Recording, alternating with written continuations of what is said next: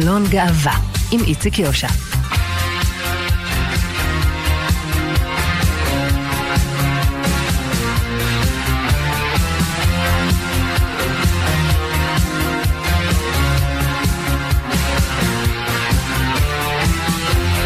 שלום לכם מאזינות ומאזיני כאן תרבות, אנחנו חלון גאווה. שלושה סרטים, סרטי קולנוע וטלוויזיה, יהיו על סדר יומה של התוכנית היום. הסרט הטיפול, שיוקרן הערב בכאן 11, הסרט קיץ 85 והסרט השחיין.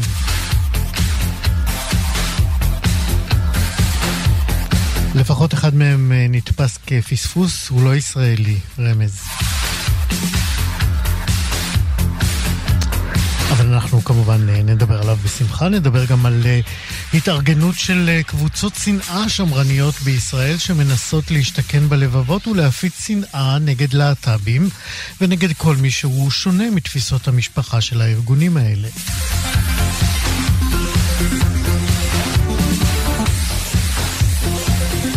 תהיה לנו גם מוסיקה, חלק מהסרטים שנדבר עליהם ככל שנספיק בצוות היום. ליאור סורוקה, עורך משנה ומפיק התוכנית הזאת, דרור רוטשטיין, הוא טכנאי השידור. אני, איציק יושע איתכם עד שלוש.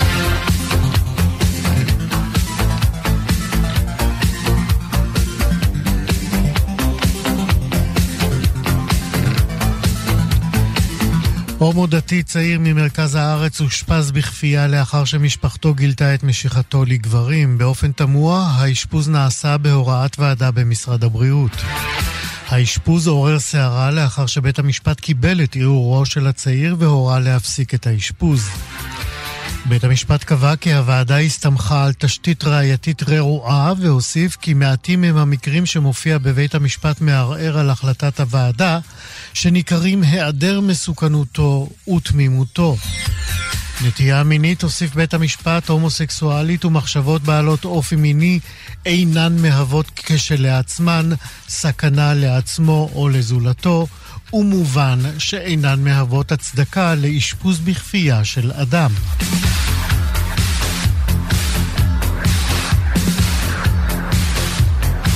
בהודעה שפרסם איגוד הפסיכיאטריה בישראל נאמר כי האיגוד מברך על החלטת בית המשפט ועל כל מניעת אשפוז כפוי שלו לצורך. כידוע לכל, נטייה מינית אינה הפרעה נפשית. אם הנושא מעורר מצוקה במשפחה, מומלץ לפנות לעזרה מקצועית כדי לסייע למשפחה. רן שלהבי, מנכ"ל האגודה למען הלהט"ב, קרא למשרד הבריאות לחקור את האירוע, ושר הבריאות ניצן הורוביץ פרסם הודעה בה נאמר כי זהו מקרה מזעזע, שייבדק מיד כדי לוודא שלא נראה בעתיד טעויות דומות.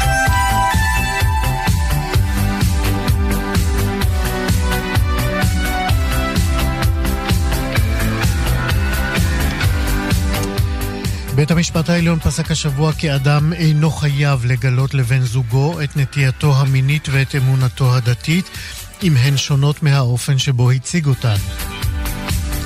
את ההחלטה קיבלו פה אחד השופטים יעל וילנר, עוזי פוגלמן ונועם סולברג. פסק הדין ניתן במסגרת ערעור שהגיש גבר על החלטת בית משפט מחוזי. פסק הדין ניתן בתביעה שהגישו גרושתו של הגבר ואימה על שום שהסתיר מהן את היותו הומו.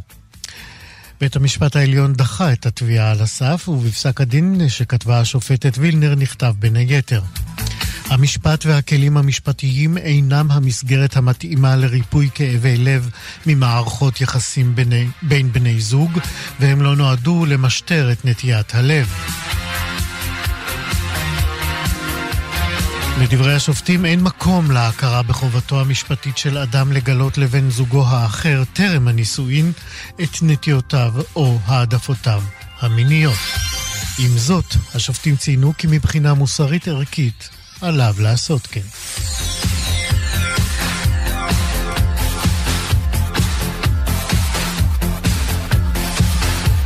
בחיפה נפתחה השבוע הקליניקה למשפחה הגאה על שם אמיר פרישר גוטמן, שטבע על המוות לפני ארבע שנים.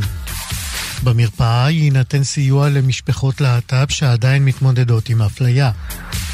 אייל פרי, אחיו של פרישר גוטמן, אמר באירוע אירוע הפתיחה כי אין דרך טובה יותר להנציח את פועלו של אמיר למען שוויון זכויות לקהילה הגאה. ג'יימס סי הורמל, שהיה השגריר ההומו המוצהר הראשון של ארצות הברית, מת ביום שישי האחרון בגיל 88. הורמל שימש כשגריר ארצות הברית בלוקסמבורג בתקופת כהונתו של הנשיא ביל קלינטון. מינויו של הורמל נתקל בהתנגדות ציבורית שהובילו פוליטיקאים רפובליקנים שמרנים. חלקם תיארו אותו כחוטא והשוו את נטייתו המינית למישהו שסובל מהתמכרות או מקלפטומניה. הורמל מונה לתפקיד ב-1997, 30 שנה אחרי שיצא מהארון אי שם בשנות ה-60 של המאה הקודמת, ועד כאן חדשות. חלון גאווה לא מעט אה, מביטויי השנאה כלפי הקהילה הלהט"בית בישראל ובעולם נשענים על אה, אידיאולוגיות ותפיסות עולם שמקדשות את המבנה הישן של אה, משפחות. משפחה שבה מובילים, אתם יודעים, אימא, אבא, וילדיהם. והמבנה הזה, אתם יודעים, כבר הוכיח לאנושות, אפשר לומר, באותות ובמופתים. שמשפחה במבנה הקנוני המוכר היא ממש לא תעודת ביטוח לחיים הגונים, הוגנים ובטוחים. ההפך הוא הנכון, רוב הפשעים היותר נתעבים שעושים בני אדם מתרחשים אה, אה, בתוך אותם תאים אה, אה, משפחתיים. אני מדבר על פשעים כמו גילוי עריות, רצח, התעללות מינית, נפשית, כלכלית, אלימות. הכל נשאר במשפחה. ולמה רוב האנושות עדיין דבקה במלכודת הלא מוצלחת הזאת? אולי כי לקואליציות הפחד והשנאה עדיין יש שליטה על רוב מרכזי הכוח בעולם, לצערנו. אולי. גם בישראל התארגנה קואליציה כזאת, והיא מונה לא פחות מ-15 ארגונים שנקראים ביחד פורום הארגונים למען המשפחה, תחת סיסמאות של שמירת מה שהם מכנים ערכי המשפחה. הם בעצם מפיצים שנאה ורדיפה כלפי להט"בים וכלפי כל מי שתפיסת המשפחה שלו שונה משלהם. הילו גלאזר הוא עיתונאי מוסף הארץ, יצא למפות את הארגונים האלה ולעמוד מקרוב אה, על מקורות השנאה האנטי-להט"בית שמניעה אותם בין היתר. שלום הילו. אהלן, איציק, מה נשמע? שמע, אתה מתעסק בשנאה, זה לא פשוט. אחרי ש... אז אחרי ככה שהעמקת בעצם ללמוד את האג'נדות של הארגונים האלה, ממה נראה לך הם מפחדים? מה מפחיד אותם? חושב שהם תופסים את זה באמת כאיזושהי אה, זירת מאבק, שאולי למתבונן מן החוץ היא נראית אה, משהו שבין אה, פרנויה ל... לקונספירציה, אבל מבחינתם כל מה שקשור בחינוך מגדרי, כל מה שקשור בדברים שלנו נראים טריוויאליים, כמו כניסת שוקן ואיגי, חושן ואיגי לבתי הספר, אה, זה מבחינתם אה, איום על, אה, על שלמות המשפחה. הם חושבים, מתארים איזושהי, איזשהו תסריט שבו חוקים שחותרים לשוויון מגדרי יובילו לקיטון דמוגרפי ולפחות ידיים אה, עובדות, עד כדי בסוף אה, קריסת אה, אירופה, עיין ערך מותה המוזר, מה שנקרא. זה מין תסריט אימים שבו הם... שאותו הם פורסים ככה בפני פוליטיקאים ואנשים שהם נפגשים איתם. אתה שואל אותי אם, אם באמת החזון האפוקליפטי הזה זה משהו שהם מאמינים בו, שזה סתם קרדום לחפור בו את השנאה, אני לא יודע. אה, כנראה שילוב של השניים. זהו, זה כנראה גם וגם. אה, בכל זאת, תנסה ככה ממה שנפגשת, אם אפשר, למתוח איזשהו כן. קו אה, מאחד נוסף. בואו נשאר בגזרה שמעניינת אותנו, לא שהשאר לא, אבל היום יותר, באמת היחס ללהט"בים. כן. איפה שם האיום ואיפה האופרטיביות שלהם באה לידי ביטוי? אני חושב שאת האיומים שהם אה, אה, משמיעים או תופסים כאיום, אנחנו שמענו הרבה פעמים מהשוליים החרד"ליים, מה שנקרא אלקטורט של אה, מפלגת נועם ואולי עוד קצת, שמענו אותו בכמה... גם הציונות הדתית. נכון, באזורים היותר חרד"ליים שלה באמת, נכון. שמענו אותו בכל מיני וריאציות. הרב אליהו וכולי, ובאמת האנשים האלה נמצאים בחלק מהארגונים ששייכים לאותה קואליציה של פורום הארגונים למען המשפחה. אבל, אבל מה שחדש כאן זה שני דברים. א', הכוח המצרפי שלהם באמת, שהם נהיים 15 ביחד. ו... והעובדה שבחוד, בפרונט, עומדות אה, נשים, אפילו אישה חילונית, וזה עוזר להם. קוראים לה נעמה סלע, היא בת 57, עורכת דין אה, חיפאית, נכון? שבכלל נכון. מתעסקת במקרקעין. נכון, וכשאומרים אה, אנחנו מסיבת התה ואנחנו מדברים במושגים של הרוב הדומם, וזה כבר לא רק אה, עניינים משיחיים, אלא הם מתחפשים למשהו שהוא יותר...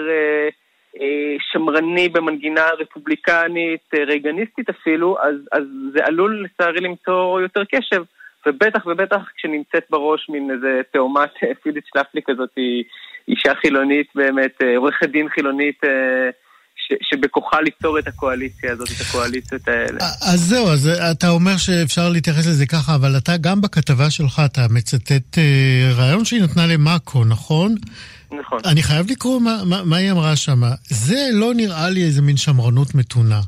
אה, אה, מצוטט שם בכתבה, אה, כשהיא נשאלה מדוע היא טעונה כל כך אה, כלפי הנושא הלהט"בי, היא השיבה כי, אני מצטט פה, זה מפריע לי בדיוק כמו שמפריע לי שאני יורדת מהבית ורואה אשפה, אז אני מרימה אותה ושמה בפח. זה לא שמרנות מתונה. אני אמשיך. ברור. אה, לא מדובר, ב, אה, כתוב שם, ב, ב, בפליטת פה, אלא היא השמיעה עמדות דומות, נגיד, ביחס למצעדי הגאווה, ומובא כאן אה, ציטוט שלה. אם אני אתערטל אה, בציבור, הרי ייקחו אותי לבית חולים לחולי נפש. ולעיסוק התקשורתי המוגזם לשיטתה בסוגיות אה, להט"ביות, היא אומרת, הם כנראה, וכאן מגיעה הקונספירציה, הם כנראה יושבים על הצמתים בתקשורת ושולטים בה, ועל yeah. כן. פונדקאות אה, לגייז, לגברים הומואים, היא אומרת, אני לא חושבת שצריך לתת למגזר כמו הלהט"בים לומר שיש ילדים שלא מגיע להם אימא. תשמע, אלה לא דעות מתונות, ואני... אני לא... זאת אומרת, לא חולק עליך, אבל אני חושב שצריך דווקא כן להדגיש את העובדה שמדובר בקבוצות הזויות שצריך לשים לב אליהן, ואולי אפילו לרכז בהן מאבק, אבל בוא תמשיך אתה. ספק, לא- אלה לא דעות מתונות, וא' היא אמרה אותה לפני שנתיים שהיא הייתה פחות מיומנת, אני, אני, אני די בטוח שהיא... שהיא עדיין חותמת עליהם, כי היא אומרת דברים, דברים לא פחות מבהילים ומבחילים גם עכשיו בכל מיני מאמרים שהיא מפרסמת. או ב... ברעיונות שלה, במקבילות של הברייטברט של הימין הישראלי, ועדיין משהו בפוליטיקת הזהויות, כשמגיעים לכנסת ויושבת מול נבחרי הציבור, עורכת הדין לענייני מקרקעין בת 57, ולא אה, אדם עם פאות מסתלסלות וזקן שמדבר במונחים אה, משיחיסטיים. ארכאיים, כן. כן, אז, אז יש לזה לצערנו, כנראה איזושהי, אה, איזושהי תרומה ביכולת שלהם להתקבל או להחליק בגרון יותר אה, אה, לאנשים, זאת הדאגה. תוסיף לזה את ההרכב המאוד מסוים של חברי הכנסת, לצערנו, אז קיבלת מתכון למוקש גדול בחקיקה ובכלל. אני מבין שהיא לא רצתה להתראיין לכתבה שהכנת למוסף הארץ, נכון? נכון. מה היא אמרה לך? היא פשוט, תשמע, כשהתראיינה למאקו, אז זה מופיע בכתבה עליה, היא אה, נתנה איזשהו רעיון לכתבת, ואז ברגע שהיא גילתה שלמאקו יש ערוץ גאווה, היא ביקשה לחזור בה מהכוונה להתראיין, מההסכמה להתראיין, ושיגנזו את הכתבה. אה, הם כמובן, זה רק מראה את היחס שלה ללהט"בים, כן? הם כמובן לא הסכימו לזה והכתבה פורסמה כפי שצריך היה להיעשות. אני רק יכול לשער שכש... בטווח שעבר בין השיחה שלי איתה לבין הסירוב שלה להתראיין, היא פשוט עשתה איזשהו גוגל וראתה שאני חלק מהקהילה, ואתה יודע, ראתה את האג'נדה שלי אה, בעניין הזה. אה, אני קיבלתי כן. לא, לא, תמשיך. לא, אני אומר שקיבלתי, אה, הביקורת שהייתה כלפי הכתבה היא זה שתקפנו אותה בצורה אישית, בעצם זה שהזכרנו שיש לה בת לסבית שהיא מנוכרת אליה. אז... זהו, זה הפרט שהיה חשוב לי שתזכיר. כן. אז אני אשמח להסביר למה עשינו את זה. למי שלא קרא, האישה הזאת שבאמת עשתה קריירה, אין דרך אחרת לתאר את זה מלהתנגח בלהט"בים. בתה יצאה מהארון לפני כמה שנים, ומן הסתם ברגע שהיא עלתה על מסלול כזה, האימא, על דרך ציבורית כזאת, אז הן, הן לא נמצאות בקשר.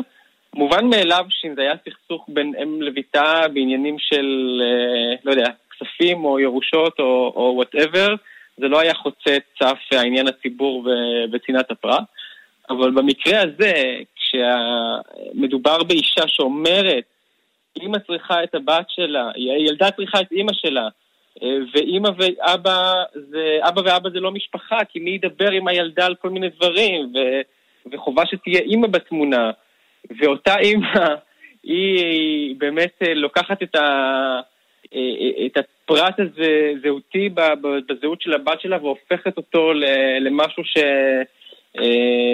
שהיא מתנגחת בו מעל כל במה, תוך רקמה כזאת אנושה בפגיעה המשפחתית, אז, אז אני חושב שזה, שזה אומר משהו על, אה, גם על כישורי הערוץ שלה וגם שומט את הקרקע מתחת לטיעון שלה. שתא משפחתי הטרו, כמו שאמרת, הוא איזושהי ערובה לגדל ילדים בצורה מיטיבה. ברור כבר מזמן שהתא המשפחתי הוא, אה, נעשים בו הפשעים האנושיים הכי איומים, יותר מבכל זירות אחרות, אבל אה, זה לא הדיון שלנו, אבל הוא קצת אה, כן נוגע. אני רוצה לשאול אותך, בכל זאת, דיברת בטח עם אחרים שכן הסכימו להתראיין, או לפחות כן. לומר דברים. מה, מה התרשמת מהם? זאת אומרת, איפה השנאה שם אצלם? עד, עד כמה רחוק הם מוכנים ללכת עם השנאה? מאוד רחוק. זה באמת? מבחינתם... אה, תן לי כן. דוגמאות נוספות. אה, אתה יודע, מהדיוני אה, פייסבוק שהיו אחרי, אחרי פרסום הכתבה, האמירות או האיומים זה משהו בסגנון של אם לא תשבו בשקט אז גם נפעל לשאול, לשלול מכם את הזכויות שכבר קיבלתם. מה שאנחנו תופסים כאידיוטים שימושיים של, ה... של הימין הסהרורי, הם תופסים אותנו כ... כאיזה שהם חיילים או פיונים בצבא של הג'יהאד הפמיניסטי, והם אומרים, אה, את ההומואיות שלכם, את הלהט"ביות שלכם, תחזירו אה, לחדר המיטות, ולא, אנחנו אה, נצבור עוד ועוד כוח, ו... ואתם תתחרטו על היום שבו הייתם חלק מאיזשהו מאבק שקשור ב... בשוויון מגדרי. כן, אה, מן הסתם אה, ארגונים אה, כאלה, בטח כאלה שמקיימים פעילות ממושכת ומתמשכת, הם נתמכים... זהו, הם חדשים, אבל יש להם הישגים. כן, הם, כן. זו התאגדות חדשה, אבל יש להם כבר הישגים. כן, מן הסתם הם נתמכים על ידי גורמים כלשהם, יש להם מקורות פיננסיים. ניסי, הצלחת לעמוד על המקורות האלה? כן, הארגונים הם מאוד עלי תקציב. מאוד מאוד עלי תקציב, חלקם הוקמו ממש לאחרונה, חלקם כבר קיימים הרבה שנים. אה, הם לא מקבלים תמיכות אה, ציבוריות, וזאת אחת המטרות שלהם. אני אה, נכנסתי, זאת אומרת, הייתי חשוף לאיזושהי ישיבת זום שהם, שהם ניהלו, ושם הם אומרים, עם כל הכבוד לקואליציה הזאתי, אז אם לא נשיג תקציבים ממשלתיים, לא נוכל לעמוד מול ארגוני שנאת המשפחה, ככה הם מגדירים אותנו, אותם, שנתמח... שיש להם תקציבים אה, של... שמסתכמים בשלושה מיליארד שקלים. אני לא חותם על הנתון הזה, כן, אבל זה הנרטיב שלהם. כן. אה, בקיצור, אילו עזרת להם. אה, כן, כנראה. לא, שמע, אנחנו מתארים מציאות, אנחנו לא... לא, הכל בסדר, זה היה בהומור, בוודאי. צריך לדעת מי האויב. אבל לא מן הנמנע ש... טוב, טוב להכיר את האויב בכל גווניו ורבדיו. אילו גלאזר, הייתי ממשיך לדבר איתך, שיחה, כתבה חשובה מאוד ושיחה אה, חשובה מאוד. תודה רבה שדיברת איתנו. תודה לך. להתראות. חלון גאווה הערב יוקרן אה, בכאן 11, אצלנו בתאגיד, הסרט הטיפול, אחד הסרטים המרתקים באמת שנעשו סביב אה, אה, הנושא המורכב הזה של אה, טיפולי המרה. אה, הוא גם יוקרן בפסטיבל הקולנוע ירושלים, אתמול הוא גם הוקרן במכון ון ליר, ולאחר ההקרנה התקיים דיון בהשתתפות הבמאי צבי לנזמן והרבנית דבורה עברון, ועוד מעט אנחנו נשמע גם אה, אה, הדים מהערב הזה. הזה. בכל מקרה, אחרי ההקרנה הערב בכאן 11, אנחנו יכולים לומר לכם, הסרט יהיה זמין לצפייה גם באתר של אה, כאן, תאגיד השידור הישראלי, אה, וגם בערוץ היוטיוב. אוקיי, מהו, אה, אם כן, הסרט הטיפול? סרט תיעודי של, אמרנו, צבי לנזמן, ש... אני אומר נכון את שם המשפחה, עוד מעט הוא יגיד לי, שמכניס אותנו בעצם באופן די נדיר, אני חייב לומר, ויוצא דופן אל אלא מתרחש אה, בעצם בחדרי חדרים בחברה החרדית, אה, סביב אה, ההתמודדות שלה ושל החברה ושל גברים חרדים הומואים עם ההומואיות שלהם. בסרט ובטיפולים שאנחנו רואים שם אין תרופות. ואין כפייה, ואין שוקים חשמליים, רק איזו אמונה הזויה, אני מרשה לעצמי לומר, שאם אתה ממש ממש תתאמץ, תוכל לסלק ולהרוג חלקים משמעותיים באישיות שלך. אה, דווקא משום ככה, באמת העוצמה של הדברים, אה, אה, כפי שהם מובאים בסרט, מתגברת ועושה את הסרט הזה חשוב ומעורר לשיח הזה. ועכשיו אני אומר שלום לבמאי וליוצר הטיפול, צבי לנזמן. לנזמן, זה נכון? נכון, לנזמן. יופי. אז אה, קודם כל ברכות אה, על הספר, על הסרט הזה. אה, תודה רבה, תודה על הסופרלטיבים. שמע, ראיתי אותו מההתחלה עד הסוף, ולא יכולתי שלא לומר את מה שראיתי, אבל בטח יש דברים שפספסתי ואתה תעזור לי בהם. בוא, אתה יודע מה, בוא נתחיל לדבר על שתי הדמויות המרכזיות, על לב זלצר ובן, ובן זילברמן. נתחיל בלב. כן, לב אה, הוא אה, גבר אה, חרדי, בן 54, שאני הכרתי אותו לפני שנתיים וחצי, כשהוא חזר למטפל שהוא היה אצלו כבר בעבר. ואני בעצם שלוש, שלוש שנים חיפשתי מישהו שיהיה מוכן, שנצלם אותו עובר את הטיפול הזה. זהו, נאמר, מדובר באיש חרדי גרוש. אה, ש... אה, שנמשך לגברים, שנמשך לגברים, שלא לחיות לפי ומחפש בעצם שידוך חדש עם אישה, אבל נאבק בעצמו ובמשיכה שלו לגברים.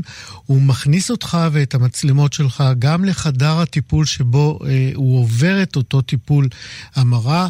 נגיד ל, ל, למי שעוד לא ראה את הסרט, הפנים האחרים לא חשופים, למרות שהם הסכימו שיצלמו שם, אבל הפנים שלהם לא חשופים. רק הפנים של לב. לב בתוך ההוויה, בתוך הדינמיקה הקבוצתית הזאת. תמשיך מכאן. כן, לב הוא בעצם אה, האדם היחיד אה, בעולם, לא רק בישראל, אה, שעובר טיפול המרה ושהיה מוכן, ש, שמתעד את הטיפול שלו. רוב מי שנמצא שם, נמצא שם בגלל שהוא לא רוצה שיחש... שידעו שיש לו משיכה לבני מינו, ו...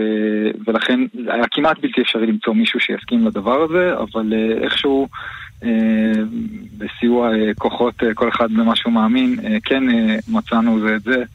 והיינו מסוגלים, ויכולנו לעשות את הסרט הזה. זה באמת ההישג הגדול של הסרט מהבחינה הזאת, כי הוא באמת מאתגר את המחשבה של, גם שלנו, ששותפים למאבק הלהט"בי לשוויון, וגם של החברה שפחות מכירה, אבל שומעת כל הזמן בכותרות טיפולי המרה. כן, וזה אתגר שאני חושב שהוא חשוב. מה, לגמרי, מה אנחנו בתור לגמרי, אנשים ליברליים כן. יכולים להגיד, או, או מה אנחנו עושים לנוכח זה, שבא בן אדם והוא אומר, אני רוצה לחיות חיים סטרייטים, זה, זה הבחירה שלי, זו, זו הבחירה שלי, זה הרצון שלי.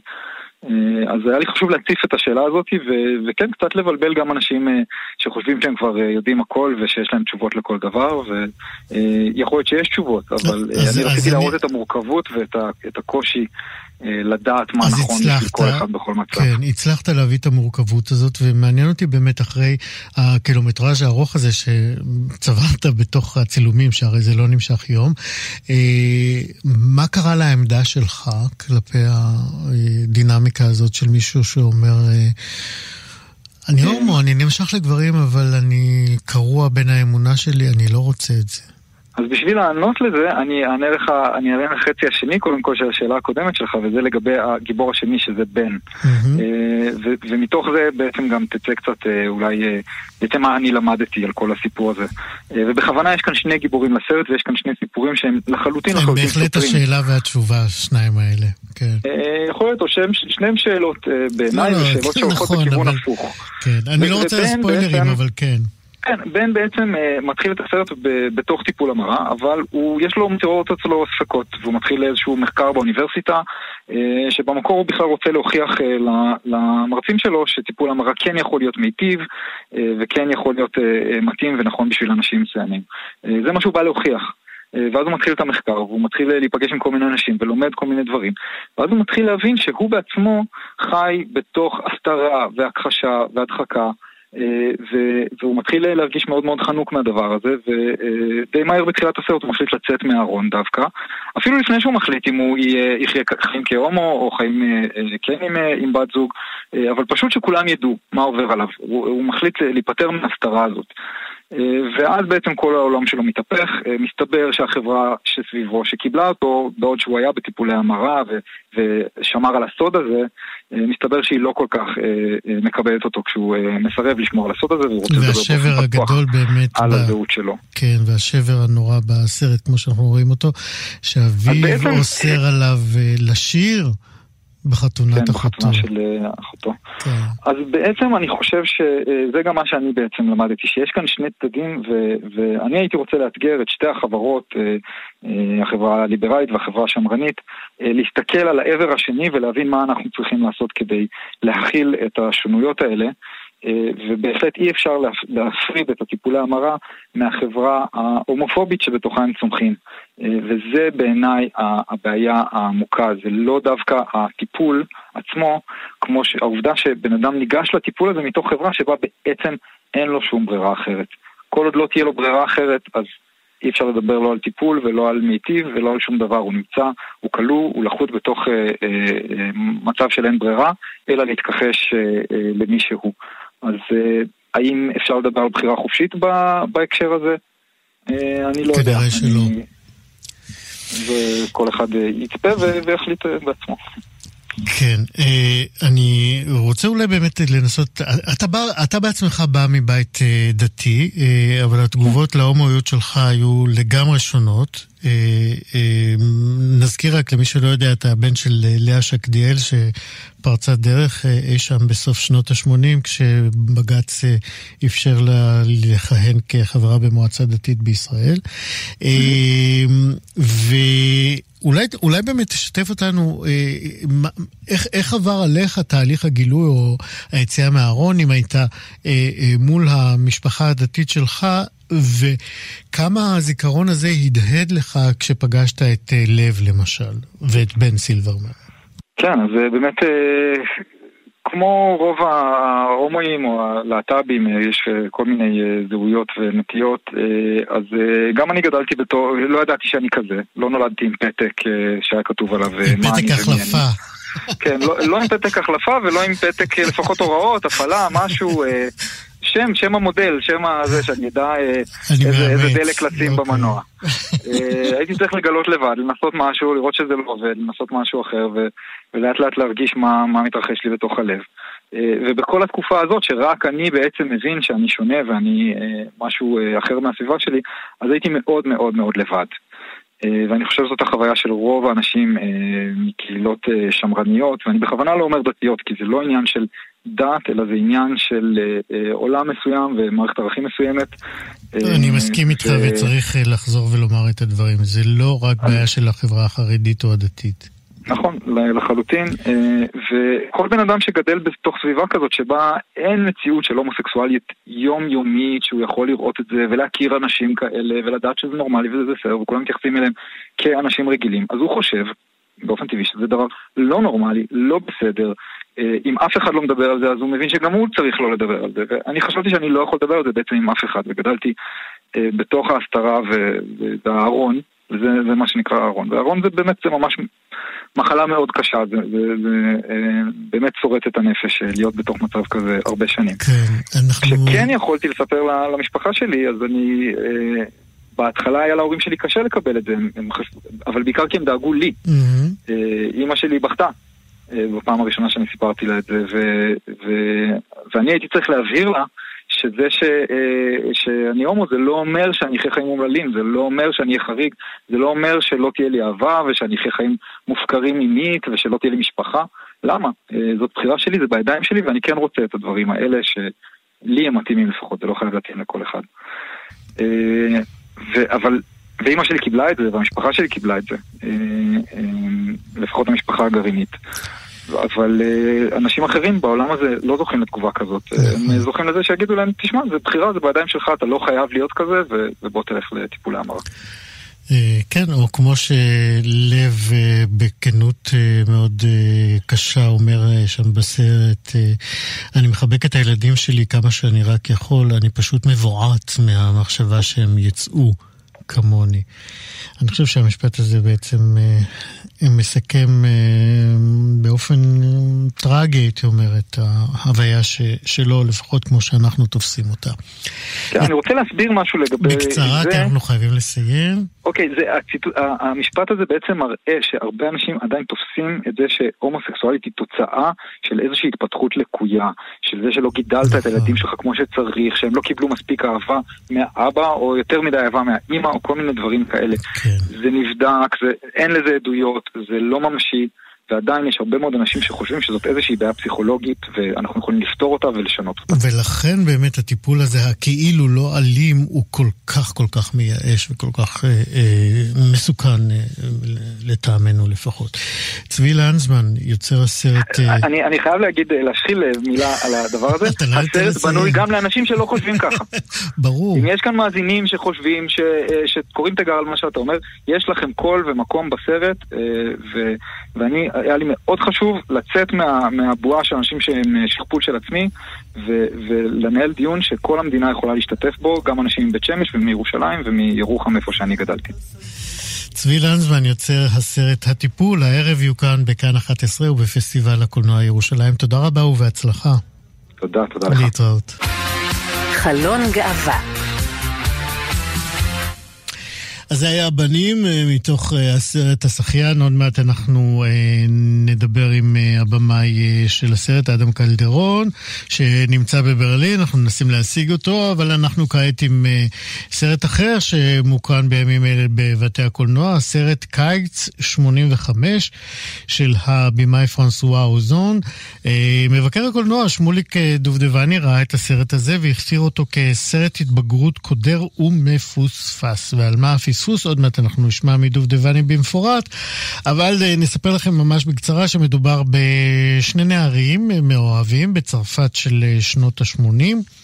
אלכסיס בן ה-16 ודוד בן ה-18, שמבלים, נופשים בעיירת חוף אה, בנורמנדי. ברקע גם מאוזכרת התפרצותה של מחלת האיידס בעולם, וכמובן גם בצרפת. כבר בהתחלת הסרט אה, נשמעת קריינות מפיו של אה, אלכסיס, אה, וממנה אנחנו מבינים שפשע נורא מתרחש, והוא נוכח שם כמו צל, כמו שדובדבני קבע, על המפגש הרומנטי הזה בין הנערים. עכשיו אנחנו אומרים שלום שמוליק דובדבני, מבקר הקולנוע של ynet. שלום, צהריים טובים. תגיד, יכול להיות שהחיבור הזה בין פשע לאהבת נעורים הומואית הוא מלאכותי מדי? תראה, אה, הוא לא בדיוק מלאכותי, משום שבסרט מתבררים כמה דברים, ואני כמובן לא רוצה לעשות ספוילר, שקצת מציבים באור אחר את אה, הפשע הזה, או ליתר דיוק את אה, אה, טיבו, אבל אה, ודאי כש, כאשר אנחנו מתחילים לראות את הסרט, אנחנו ודאי הולכים ב, ב, בכיוון הזה. אני חושב שהבעייתיות של הסרט היא פחות העניין המלאכותי, אלא באמת העובדה שיש יש בסרט הזה במבט uh, היום uh, משהו מעט uh, מיושן, והייתי אומר אולי אפילו uh, נוסטלגי במובן הלא מאוד עמוק uh, של המילה. אתה הזכרת קודם uh, את מחלת האיידס, מחלת האיידס בעצם לא מוזכרת בסרט, למרות שאנחנו יודעים שהסרט כמתבקש משמו מתרחש ב-85, אנחנו יודעים שעוד מעט הסיפור של האיידס יהפוך להיות אחד האלמנטים המרכזיים והמאפיינים uh, של העשור הזה, וזה מה, מה שבאמת מעניק לסיפור הזה שבמרכזו, לסיפור האהבה בין אה, שני הנערים האלה, אה, האחד אגב הוא יותר מבוגר וגם אגב יהודי, משהו שהסרט לא ממש עושה איתו יותר כן. מדי. דוד, אבל זה מה שמעניק אה, לסרט הזה באמת את המימד הנוסטלי, וכשאני אומר נוסטלגי לא במובן החיובי, אני מתכוון לזה שהסרט קצת נראה, ודאי שני הגיבורים שלו, כאילו הם יצאו מפוסטר של איזשהו אה, אה, אה, אה, מיצג או, או, או, או, או איזשהו מוצר שבאמת היה אה, נטוע עמוק או מזוהה עמוקות עם, עם, עם שנות ה-80. לכן אני אפילו משתמש במושג 80's, כן, בהקשר כמעט הייתי אומר התרבותי זה, שלו. זה, זה נשמע משהו נוסטלגי במובן הטוב שלו, של אה, מוזיקה טובה, של אה, אופנות חדשות, של... אה, כן, אבל אני אומר שוב, לו, לו הסרט באמת היה עושה משהו עם, ה, עם, עם, ה, עם הדברים האלה. צריך גם לזכור דבר נוסף, הסרט מבוסס בעצם על ספר, ספר של סופר בריטי בשם איידן צ'יימברס, ש... אה, שנקרא היה לרקוד על קברי, Dance on my grave, שיצא בשנת 82, ובאמת סרט שעסק, אה, היה אחד הטקסטים הפופולריים המרכזיים הראשונים שעסקו באמת ב- ביציאה מהארון ובצורך להסתיר את הזהות המינית הזו, את הזהות המינית ההומוסקסואלית מעין כל. ו- ובמובן הזה הסרט של אוזון מוותר על העניינים האלה, כי שוב, הוא בעצם עוסק בסיפור אהבה.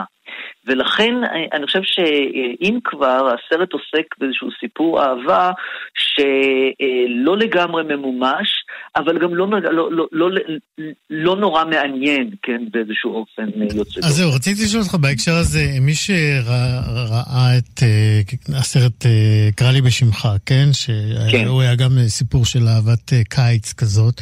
נכון. גם עם... Uh, והתרחש ש... באיטליה, כן, באיטליה, דומה אגב. כן, כן uh, על החוף, עיירת uh, בבית הקיץ של המשפחה. נכון. Uh, uh, גם שם יש פערי גילים, לא כמו בסרט הזה, אבל... נכון. אה, אה, כמה באמת אה, אפשר להיזכר בסרט הזה בערגה לעומת קיץ 85? תראה, אני מודה שאני גם לא מאוד התלהבתי מקרא לי בשמך. או שמוליק, אתה מפוטר. לא, לא, אני, אני אסביר גם למה. יש, יש לי בעיה באמת עם, עם, עם סרטים שהופכים את הנוף לאיזשהו אלמנט, כמעט הייתי אומר אקזוטי, נוסטלגי, במקרה הזה לפחות, אה, אה, יותר מאשר על בסיס, ה, על, על, על בסיס ה, ה, הסיפור עצמו. צריך לזכור שקרא לי בשמך הוא באמת סרט שעוסק בגילוי של זהות מינית, ובאמת בצורך להסתיר אותה, ואנחנו גם יודעים, אה, בסוף הסרט יש גם מונולוג נוגע ללב, של כן, האבא, של האבא, כן, זה כל הסרט. זה כל הסרט בעצם. נכון. למקום הזה הסרט מגיע, וזה מה שנותן לו איזשהו אה, בוסטר במילים, במונחי היום, כן, דוחף אותו באמת אה, מבחינת איכותו כלפי מעלה, זה מונולוג שניסה בצורה נפלאה.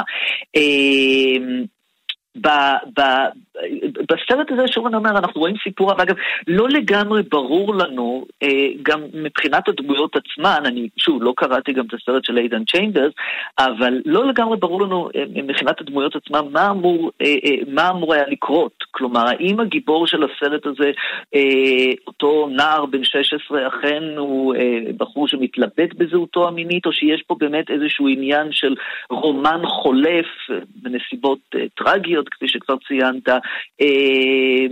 שהוא חלק מהקיץ הזה ואמור בעצם אה, ללוות אותו, אשמה ומלנכוליה שכרוכות בו אמורות ללוות אותו גם, גם בשארית חייו. אני חושב במובן הזה שהסרט, אם לנסח את זה, יש בו משהו אפילו טיפה מיושן ולא נורא מלהיב, כלומר שני הגיבורים שלו הם באמת... במה זה בא לידי ביטוי? צעירים יפי תואר, אבל אתה יודע, במובן הזה לא, לא, לא, לא מעבר לזה.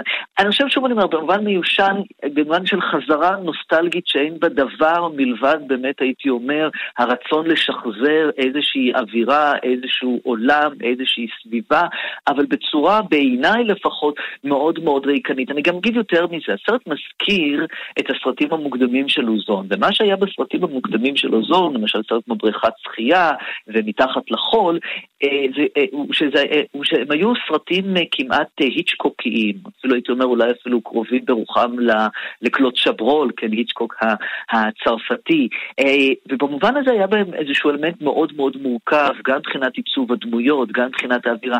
פה נדמה שאין דבר כזה, זאת אומרת, זה סרט שהוא פוסטר. ובמובן הזה אני לא זיהיתי בו באמת איזשהו עומק, אפילו ברמה הרגשית.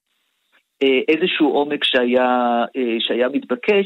אני זוכר שכשסיימתי את הצפייה בסרט בעצם שאלתי את עצמי למה אוזון בעצם עשה אותו. אנחנו יודעים שהסרטים האחרונים של אוזון, שאגב מאז הספיק להשלים עוד סרט שהתמודד בתחרות הרשמית בפסטיבל כאן האחרון, אנחנו יודעים שאוזון הוא במאי מאוד פורה, וסרטיו האחרונים באמת היו סרטים שביקשו לעסוק בנושאים מאוד פרובוקטיביים, הוא עסק אה, בהטרדה מינית בכנסייה, בסרט שלו כן. שהוא עשה לפני שנה וזכה פרס פסטיבל ברלין. טוב. לא הבנתי לשם מה החזרה הזאת. טוב, אז uh, אמרת סרט uh, מפוספס, קיץ 85, ובכל זאת, אתה יודע, אבל נורא יפה לעין. אחרי כל הכותרת הזאת, כל השיחה הזאת דווקא עשתה לי הרגשה שאולי כן כדאי לראות את הסרט בכל זאת.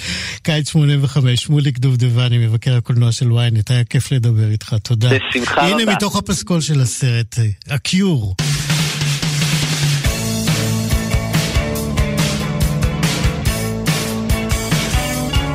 In between days.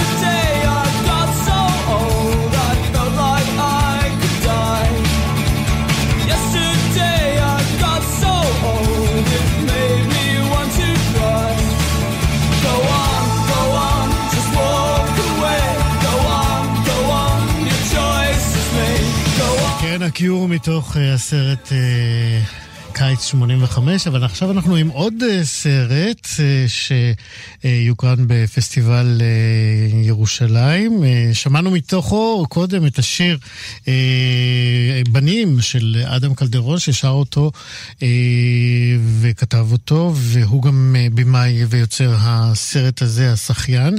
סרט שבפסטיבל ירושלים, ועכשיו אדם איתנו אחרי ניסיונות הירואיים להשיג אותו.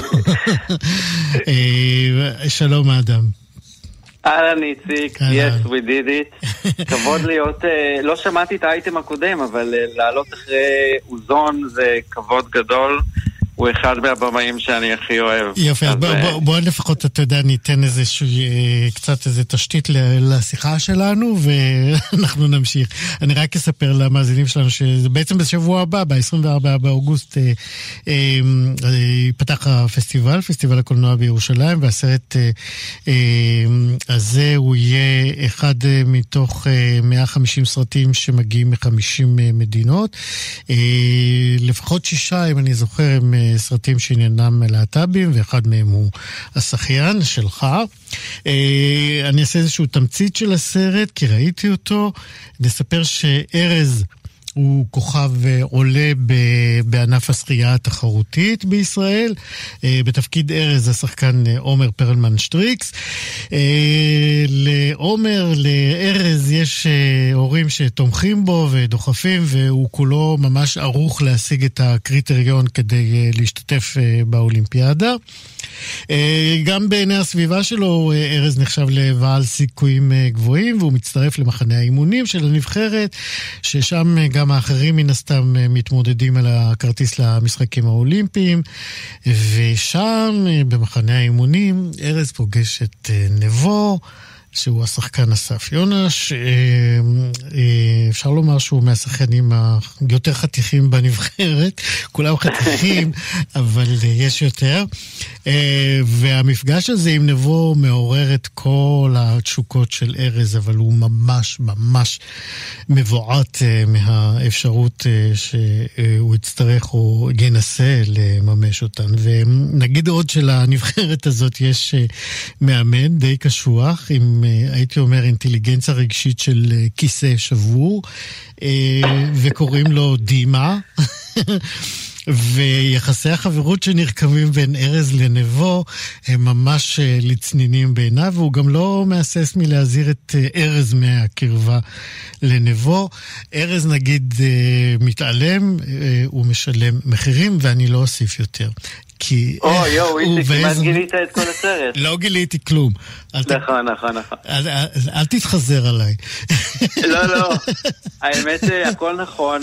לשמוע את זה ממך זה היה, זה די מדהים. זה כאילו אתה מספר את כל החיים שלי. כי הסרט הזה באמת מבוסס, אני לא רוצה ליפול בניסוח, על חוויות שקרו לי. אני רק רוצה להגיד שההקרנה של הסרט השחיין, הפסטיבל אומנם מתחיל ב-24, אבל ההקרנה היא ב-30 לחודש, ב-7.45, וכולם כמובן מוזמנים. אוקיי, תגיד גם איפה, אם כבר אמרת, כי יש המון מרכזי הקרנות. שכחת אותי על חם. לא נורא. לא יודע אם בוא נדבר על סרט, אנשים ימצאו, ימצאו, ימצאו. ימצאו, כן. אז בוא רגע באמת, אני רוצה לשאול אותך, מה יש לו, אני הזכרתי את דימה, למה הוא לא אוהב בעצם את החברות הזאת בין ארז לנבו? כי חייבים לומר, המילה הומו, הומואיות, זה לא ממש נאמרת אפילו. אוקיי, נכון, זו שאלה ממש טובה. המילה הזאת היא לא נאמרת לאורך כל הסרט, זו החלטה מאוד מודעת שלקחתי שכתבתי את זה, כי רציתי להיות נאמן לכמה. חוץ מאשר בקללות במקלחת. נכון, אבל זה אנחנו, זה אני שומע מגיל 6, זה כבר כל כך אני רגיל לשמוע את זה, שזה אני אפילו לפעמים שוכח שזה, שזה מה שזה, מרוב שזה שגור, אתה יודע, לאורך כל החיים שלי, אבל אני חושב ש... הרעיון בסרט היה לתת הצצה אה, לעולם הרמטי וסגור שלרוב האנשים אה, לא, לא יודעים באמת מה קורה שם מאחורי דלתיים סגורות של הספורט ההישגי, ספורט העילית. אה, אני חושב שהמילה הזאת לא נאמרת אה, מכמה סיבות. גם כי אה, היא כל כך, אין לה מקום בעולם הזה, שאפילו אי, אי אפשר להעלות אותה על דל השפתיים. זאת אומרת, זה בעולם של הסרט. לשמחתי הרבה באולימפיאדה אה, האחרונה שהסתיימה לא מזמן, נשבר שיא המשתתפים מחוץ לארון הגאה, אז העולם באמת מתקדם למקום נורא טוב, אבל הסרט כן. הזה מדבר על uh, תקופה טיפה אחרת וגם על, uh, על מקום טיפה אחר, ואני חושב שכמו שהוא אומר בסרט, זאת אומרת, זה, יש, אין מקום ל... לא לתחושות ולא ל... כמיהות ורגשות, וגם לא להורים, יש רק מאמן שהוא קובע מה מותר ומה אסור. והמאמן הספציפי הזה, אמ, זה חלק ממה שאסור. אז זהו, אז זה נורא מעניין את העמדה שלך הזאת, גם ככותב, גם כבמאי, אה, אה, שאתה כאילו, אני מגזים, אבל כאילו נותן לגיטימציה לעמדה הזאת של המאמן הקשוח. תגיד לי למה אני טועה. אמ, אמ, אני, א', אני לא אגיד לך שאתה טועה, כי אני לא... זה עושה את השיחה יותר מעניינת. אני לא אומר לאנשים, אה, כל אחד, אני עשיתי את הסרט הזה, היה לי, עשיתי בסרט הזה את כל מה שהיה לי להגיד על הנושא, אני מרגיש שהצלחתי להכניס ב, אמ, בסרט. אני חושב שיכול להיות שהשאלה הזאת עולה, אבל עוד פעם, זה... אני, מדובר על, על, על נער צעיר, בן 18, שמגלה את, ה, את המיניות שלו, ובעצם כמעט שכחתי כבר את השאלה, איציק. אני אומר, בעצם, למה... אני לא נותן לזה... אני הלכתי עד הסוף עם האמת של מה שאני מרגיש שבמקום כזה קורה. זאת אומרת, אני... ההתנהגות הפרדטור הזאתי, בעצם זה מקום מאוד כוחני, המאמן הוא סוג של כל יכול, ולכן הוא קובע את החוקים, והלכתי עם זה עד הסוף. אז זהו, מה, מה שאני המקום. ניסיתי לשאול כצופה אה, רומנטי זה אה, איך אפשרת אה, לניצני הרומן הזה לא אה, אה, ליפול קורבן ליחס הקשוח אה, מדי של אותו מאמן, בלי לתת לו מענה, אה, אני לא, שוב לא רוצה לעשות ספוילרים, אבל בלי לתת לו תשובה הולמת. אז התשובה הולמת כי ככה זה היה במציאות. כן. זאת אומרת, לא ניסיתי למכור פה אה, אה, משהו שלא היה. אה, ניסיתי באמת באמת באמת לספר סיפור אותנטי, זאת אומרת, כל הסיפור מסופר דרך עיניו של אה, ארז, אה, עומר פרלמן שטריקס, השחקן המדהים שנכנס לגמרי. לדמות כן. עד הסוף. עברנו תהליך אה, מטורף, הוא ממש הפך, זה היה תהליך מאוד מאוד ארוך, את עומר אני בעצם מכיר אה, אה, מתחילת הקריירה שלי בתור מעצב תלבושות, ראיתי אותו ב-2012 אני חושב, ואז כבר אמרתי לו, תקשיב, אני עובד על סרט, ייקח הרבה זמן עד שהוא יהיה מוכן, אבל uh, התפקיד הזה בשבילך, אבל תהיה עבודה נורא קשה, כי בגלל שאני מגיע מהעולם הזה, והסטנדרט שלי היה מאוד גבוה, החלטנו ביחד שהוא חייב להפוך לשחיין אמיתי, שזה אומר אה, במנטליות, בלוק, בצורה, בהליכה, באיך שהוא יושב, איך שהוא מדבר. אה, והוא פשוט עשה תפקיד מדהים והפך להיות שחיין במלוא מובן המילה. מדהים. אה, אתה כן. שומע את הצלילים האלה? אני שומע, ברוקד. זה השיר שלך, הבנים, גם כן מתוך הסרט. אדם קלדרון, אנחנו פשוט חייבים לסיים את התוכנית. אנחנו שמחים על הסרט שלך, שמחים שדיברת איתנו, מאחלים לך הצלחה בסרט הזה ובהמשך. תודה רבה, אה, זה עבודה משותפת של המון אנשים, ואני רוצה להגיד תודה לכולם, בעיקר לנעמה פיריץ המפיקה שהלכה איתי באש ובמים עד הסוף. כולם מוזמנים לבוא ולחגוג איתנו. אדם קלדרון, תודה רבה, להתראות. תודה רבה, ביי.